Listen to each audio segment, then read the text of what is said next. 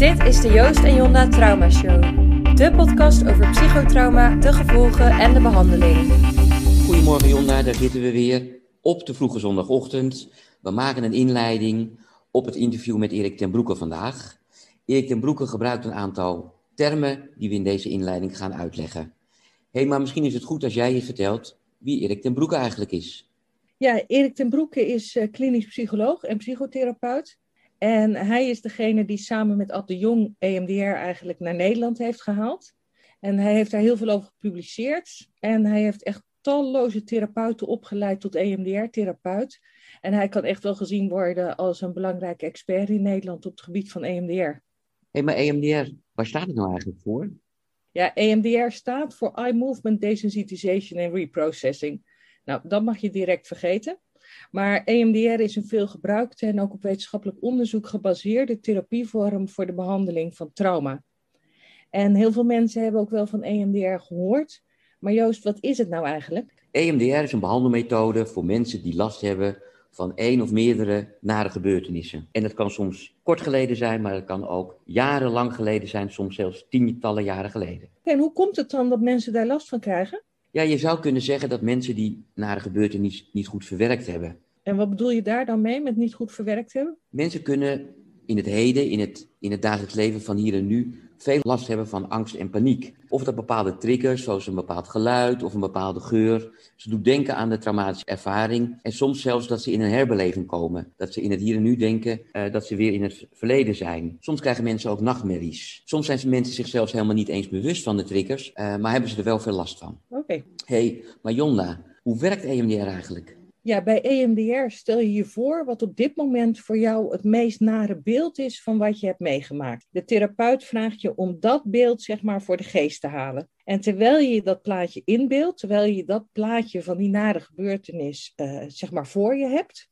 word je door de therapeut op allerlei manieren afgeleid. Klikjes op de oren, je ogen bewegen, trillende dingen in je handen, sommetjes maken. Je moet in ieder geval van alles en nog wat doen. En wat er dan gebeurt is dat doordat er een soort competitie ontstaat tussen die afleiding en het beeld van de nare gebeurtenissen, verliest dat beeld langzaam maar zeker zijn emotionele lading. En uh, roept het dus minder angst en spanning op dan voorheen. Hey, en jarenlang is er gezocht naar ja, wat is nou eigenlijk theorie van hoe het werkt, hè, EMDR? Ja. En op dit moment gaan we uit van de werkgeheugentheorie, hè? Ja, en die kan jij beter uitleggen dan ik. Het werkgeheugen, zo heb ik geleerd, is een tijdelijke opslagplaats van waar je op dat moment mee bezig bent. Zonder werkgeheugen kan je geen koffie zetten. Ik kan dat ook niet zo goed met werkgeheugen trouwens. Dat of een podcast maken. Met andere woorden, het is het geheugen voor alledaagse zaken. Mm -hmm. Ja, en hoe speelt dat dan mee in die EMDR? Door aan de ene kant uh, de cliënt te vragen uh, naar het nare herinneringsbeeld te, uh, te, kijken. En aan de andere kant af te leiden met wat jij net vertelde, ontstaat er een soort concurrentie in het werkgeheugen, waarbij uiteindelijk de spanningsvolle, negatieve, angstige lading op het beeld verdwijnt. Oké, okay, want door het, door het plaatje voor je te nemen, zeg je dat je eigenlijk het plaatje in het werkgeheugen plaatst. Ja, je haalt het op uit het geheugen, plaatst het in het werkgeheugen en dan ga je ermee aan de slag. Juist, oké. Okay. Hey, en kan je EMDR gebruiken alleen bij trauma of zijn er ook nog andere toepassingsgebieden? Nou, ik denk wel dat het goed is om te noemen dat EMDR, EMDR de behandelmethode is uh, voor mensen die in het heden last hebben van de nare gebeurtenissen uit het verleden. Die nare gebeurtenissen kunnen ook in de toekomst liggen. Dat betekent dat mensen soms een rampenfantasie hebben en waar ze dan aan lijden heet een fobie. Dus bijvoorbeeld kan het gebruikt worden voor de behandeling van een vliegtuigfobie als mensen uh, de angst hebben dat het vliegtuig gaat neerstorten. Of voor een onweerfobie als mensen bang zijn dat de onweer bij hun inslaat.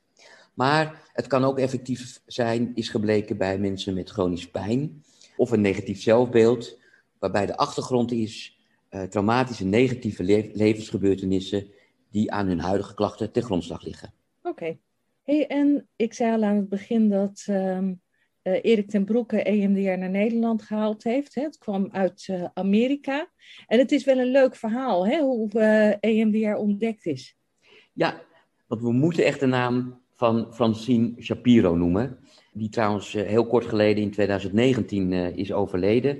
En zij was een Amerikaanse psychologe die, die de EMDR-therapie heeft ontwikkeld. En Het verhaal hoe ze dat heeft gedaan is een heel leuk verhaal, want in 1987 merkte ze tijdens een wandeling dat het snel bewegen van haar ogen de stress ten gevolge van storende gedachten leek te verminderen. En op basis van haar aanvankelijke bevindingen deed ze verder onderzoek dat resulteerde in een publicatie eind jaren 80, uh, waarin ze melding maakt van positieve resultaten bij mensen die nare gebeurtenissen hebben meegemaakt.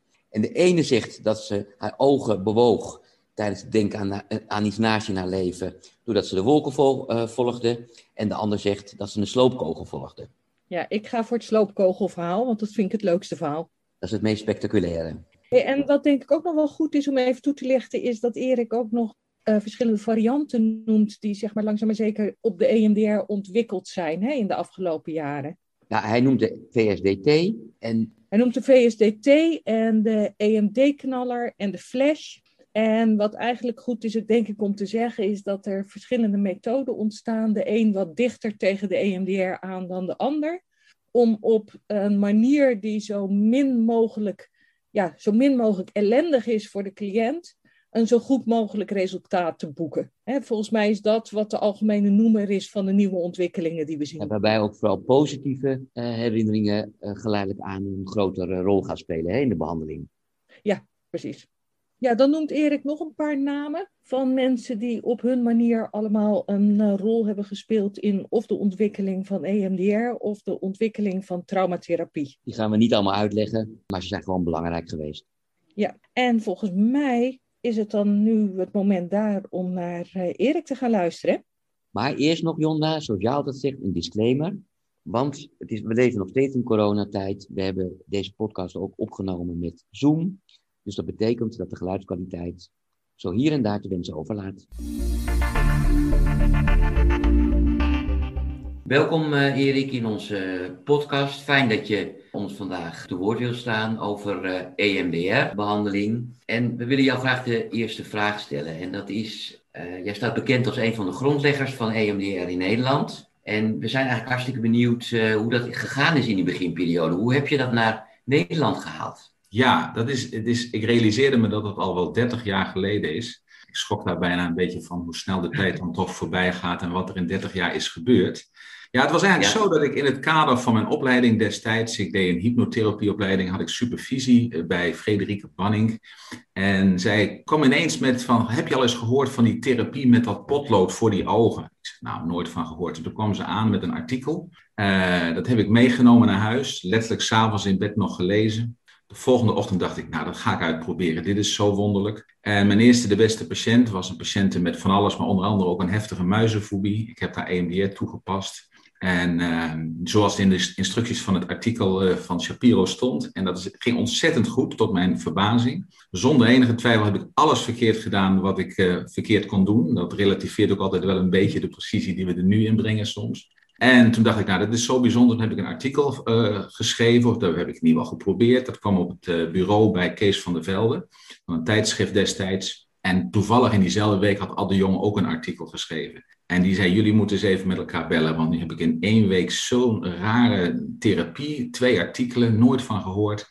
Nou, Ad de Jong en ik hebben elkaar gebeld en uh, de rest is eigenlijk geschiedenis. Tot mijn eigen verrassing heeft het een enorme vlucht genomen. Ook wel, vooral ook doordat er heel veel onderzoek werd gedaan en klinici natuurlijk enthousiast waren.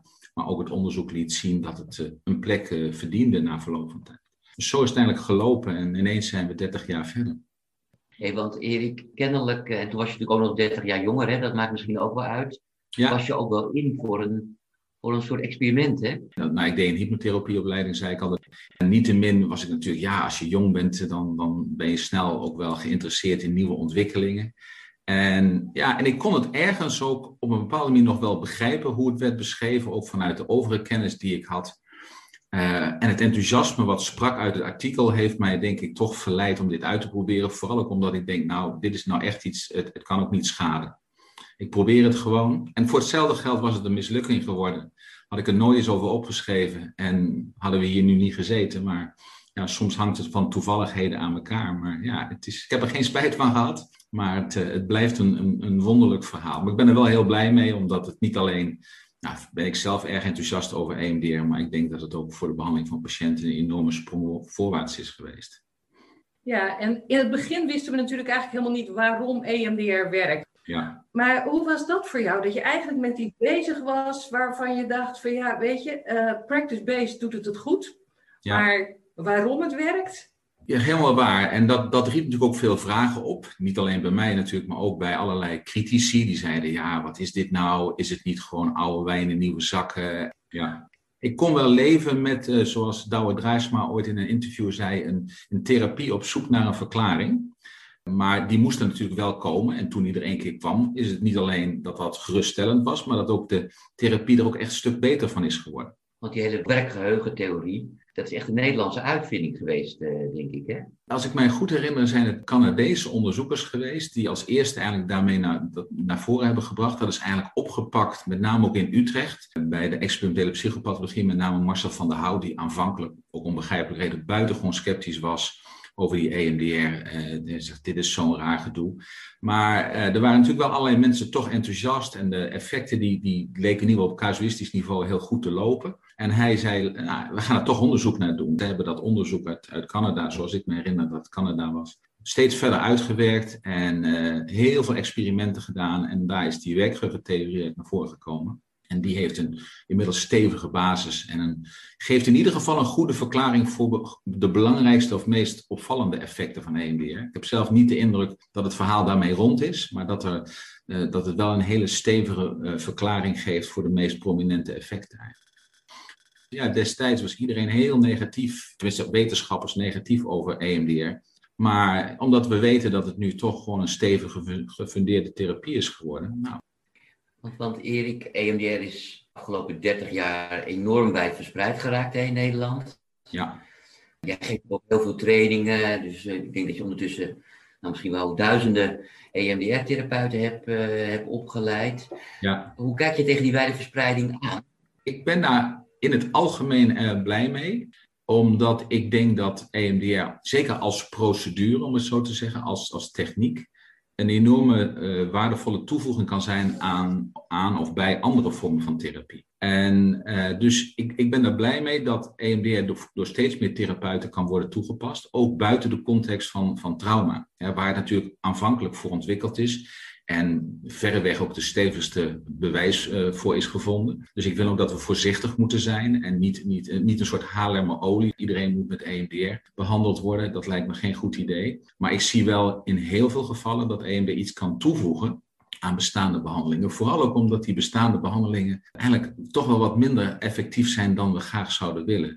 Ja, zien we EMDR als een hele elegante manier om de invloed van negatieve levenservaringen op het leven van de patiënt in het heden te verminderen. En dat is veel breder dan alleen maar posttraumatische stressstoornis of direct hoofdletter T-trauma. Dus ik ben er wel enthousiast over. Tegelijkertijd, eh, ik weet niet van wie de uitspraak ooit is geweest, maar als je alleen een hamer hebt, is alles een spijker. Vind ik zo'n mooie uitspraak. En dat zie ik ook wel eens. Dat ineens, dat mensen zeggen, ja, nee, paniekstoornis, ik doe EMDR. Maar, ik merk het ook wel in die bekendheid die we in Nederland natuurlijk hebben. En dat is heel gunstig, maar dat patiënten soms ook niet meer vragen om behandeling. Ze vragen om EMDR. Of de huisarts verwijst niet voor behandeling, maar voor EMDR. Terwijl je toch wel graag als professional zegt, nou, wil ik toch wel graag zelf beoordelen. En soms denk ik, nou, het is helemaal niet het eerste waar ik aan denk. Dus er zit ook wel een risico in. Maar dat lijkt me ook echt iets wat professionals ook goed moeten bewaken. Dat je de indicaties helder houdt en toch moet zien in de regel als deel van je behandeling en niet als standalone behandeling. Maar bij posttraumatische stressstoornis heeft het natuurlijk wel hele sterke effecten. Zeker als het eenmalig trauma betreft, kan je in hele korte tijd echt heel veel doen voor mensen. Nou, misschien ook een mooie brug naar de, naar de volgende vraag. Wij spraken in uh, december, net voor kerst, spraken wij van de Kolk uh, over allerlei andersoortige therapieën. Danstherapie, yoga, uh, nou noem maar op. Hè. Dus ook echt lichaamsgerichte behandeling. Hoe mm kijk jij daar tegenaan? Ik denk dat als je me dat een jaar geleden had gevraagd, dat ik daar, nou ja, om dat woord ook nog dan weer te gebruiken, nogal sceptisch naar zou kijken. Maar dat zou denk ik ook wel wat gebaseerd zijn op wat gebrek aan kennis, dat, die, dat scepticisme. En ik moet je zeggen dat ik de laatste half jaar, uh, probeer, ja, ik heb niet zo heel veel tijd, maar probeer ik me er ook echt wat meer in te verdiepen. Ik snap er nog te weinig van om er allerlei diepgaande dingen over te zeggen. Ik zie ook dat zeker PTSS ook hele sterke fysieke aspecten heeft. Dus ik ben daar hoopvol over gestemd. Wat ik wel zorgelijk vind is dat de, de theorieën waarop het gebaseerd is, maar ook de, de behandelvormen, dat daar zo ontzettend weinig onderzoek naar is. Als we hier nou over hebben, kun je ook dan in je glazen bol kijken en een beetje een idee hebben over nou, waar we nou over tien jaar staan eh, wat betreft traumabehandeling en dan misschien specifiek wat meer richting de EMDR en alle andere nieuwe variaties daarvan. Er zijn natuurlijk ook binnen de wereld die EMDR heet ontwikkelingen, uh, waar op een hele specifieke manier met EMDR wordt omgegaan, op basis met name van die werkgeheugentheorie. We hebben natuurlijk die hele intensieve traumabehandelingen, waar heel intens EMDR wordt gedaan op, op herbelevingen. Ik vind dat een hele interessante en ook, ook waardevolle ontwikkeling. Het onderzoek laat ook zien hoe krachtig het is. Tegelijkertijd leidt het in mijn ogen tot, tot een vernauwing uh, op de kijk om EMDR. Uh, alsof zeg maar, herstel niet meer is dan het opruimen van herbelevingen. Want als je niet meer aan de criteria voldoet, hè, die we dan met z'n allen stellen voor een bepaalde aandoening, is dat hetzelfde als herstel. Is dat hetzelfde als goed functioneren? Ja, als je nou net geen herbelevingen meer hebt, heb je formeel geen PTSS meer. Maar hoe gaat het eigenlijk met die patiënt? Dus ik ben daar ook wel weer wat nou ja, op zo'n zaken voorzichtig in. Dus ik, ik denk dat we beter gaan begrijpen hoe mechanismen uh, lopen, welke, hoe procedures uh, precies werken, waardoor ik hoop dat er ook weer een soort fundament komt van waaruit we dat kunnen begrijpen. En mijn meest sterke belangstelling gaat momenteel uit naar onderzoek, wat we dan reconsolidatieonderzoek noemen. Van, van wat doet het geheugen precies bij de opslag van herinneringen? Hoe kun je opgeslagen herinneringen activeren en weer beïnvloeden en terugschrijven in het lange termijn geheugen? En alle onderzoek op dat gebied, zowel vanuit een meer farmacologisch perspectief als een meer psychologisch perspectief. Ik hoop, maar ik ben er niet zeker van, dat die onderzoekslijn uiteindelijk tot de integratie gaat leiden. Ja, ik ben wel benieuwd, hè, want uh, ik ben nog opgeleid toen EMDR nog gewoon EMDR was. Mm -hmm. En dus hebben we natuurlijk uh, EMDR 2.0, een Flash 1.0, een Flash 2.0, een EMD-knaller. Nou, ik zal niet het hele rijtje opnoemen. Ja. En ik denk wel eens bij mezelf, dat is toch bijzonder, vroeger werden mijn cliënten ook beter. Ja, toen helemaal aan het begin, toen ik al zei, die patiënt, die allereerste patiënt 30 jaar geleden. We zijn natuurlijk in onze opleidingen, willen we heel precies zijn. Willen we onze cursisten echt, het, doe het nou zo en niet zo. En, en we zijn daar ook hoop op een ontspannen manier streng in. Maar tegelijkertijd, als ik nu mijn eigen filmpjes zou moeten beoordelen, zeg je, nou Erik, het wordt echt tijd dat jij eens even wat bijleert. Terwijl het ook goed ging. En we hebben heel lang gewerkt met klikjes op de oren, alleen met die koptelefoon. En zagen we ook mooie effecten. En dat past voor niet zo goed bij de theorieën die we hebben. Ja, eh, is, is nieuw altijd beter? Ik weet het niet.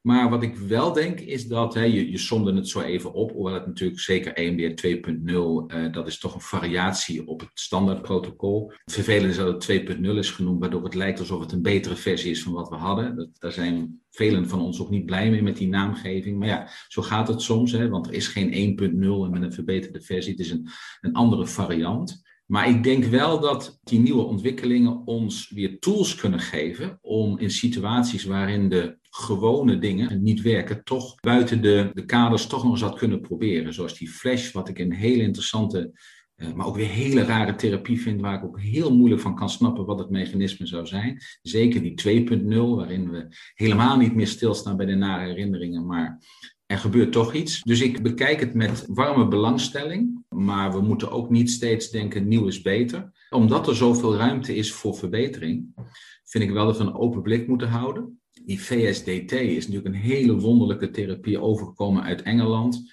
Uh, er wordt onderzoek naar gedaan. En tot dusver moet ik wel zeggen dat de drie studies die er zijn gedaan in Utrecht, dat die VSDT, hoe raar die is eigenlijk nog raarder dan die EMDR, het in dezelfde tijd beter deed dan EMDR bij PTSS. Het feit dat dat soort interventies, die, die eigenlijk helemaal geen basis in de psychologie hebben, toch die effecten hebben, ja, dat moet ons ook wel een beetje een moment geven van reflectie. Van hey, zijn we niet te veel gericht geweest op bepaalde aspecten en moeten we onze blik niet wat open houden? Maar ja, ik weet niet wie dat ooit zei. Yeah, you have to keep an open mind, but not so open that your brain falls out. Dat vond ik nog wel weer een leuke uitspraak. Dus we moeten daar wel kritisch naar blijven kijken. Uh, maar ja, ik ben wel enthousiast over wat er gebeurt.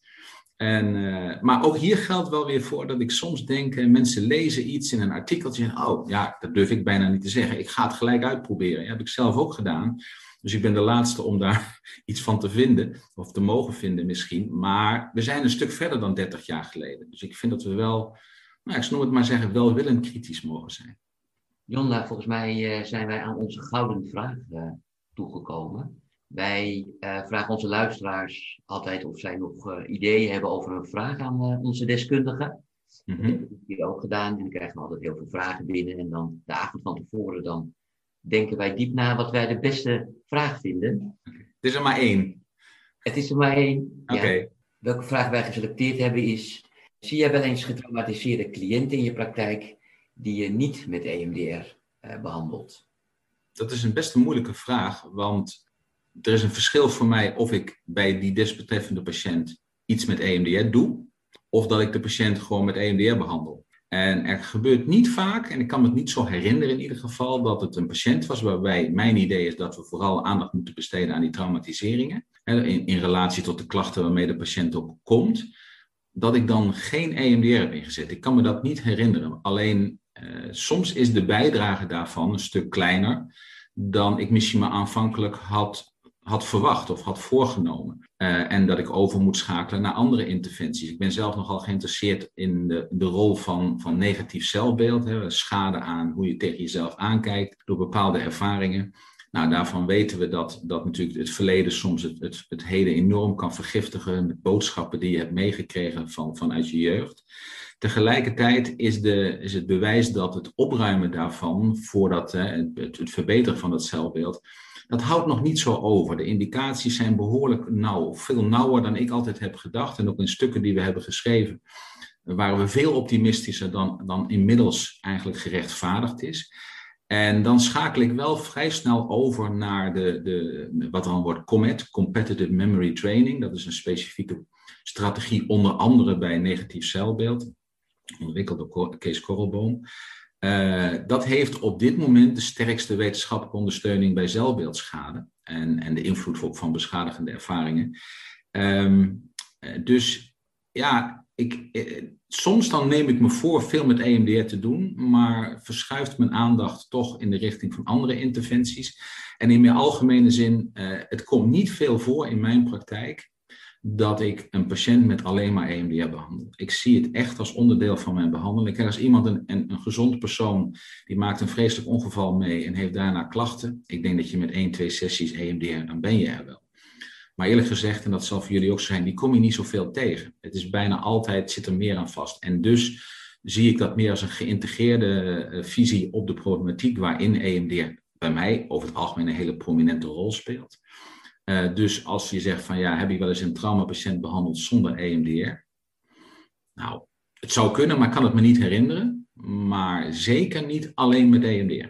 Dat is mijn meest genuanceerde antwoord. Maar neem niet weg dat ik waanzinnig enthousiast ben over wat ik zie door EMDR. De kracht van de procedure, de gerichtheid daarvan en het, het herstel van patiënten in relatief korte tijd en de, de, de, de, de, het effect met name op die ontwrichtende herbeleving. Dat mensen zeggen, eindelijk slaap ik weer. Uh, ik ken eigenlijk geen procedure die dat zo elegant en gericht en krachtig doet. Dus uh, aan mijn enthousiasme ligt het niet, zal ik maar zeggen. Oké, okay, dankjewel. Ja, Erik, uh, heel erg bedankt voor, ehm, voor dit gesprek. Graag gedaan, vond het erg leuk. Je luisterde naar de Joost en Jonna Trauma Show in samenwerking met Traumacentrum Nederland.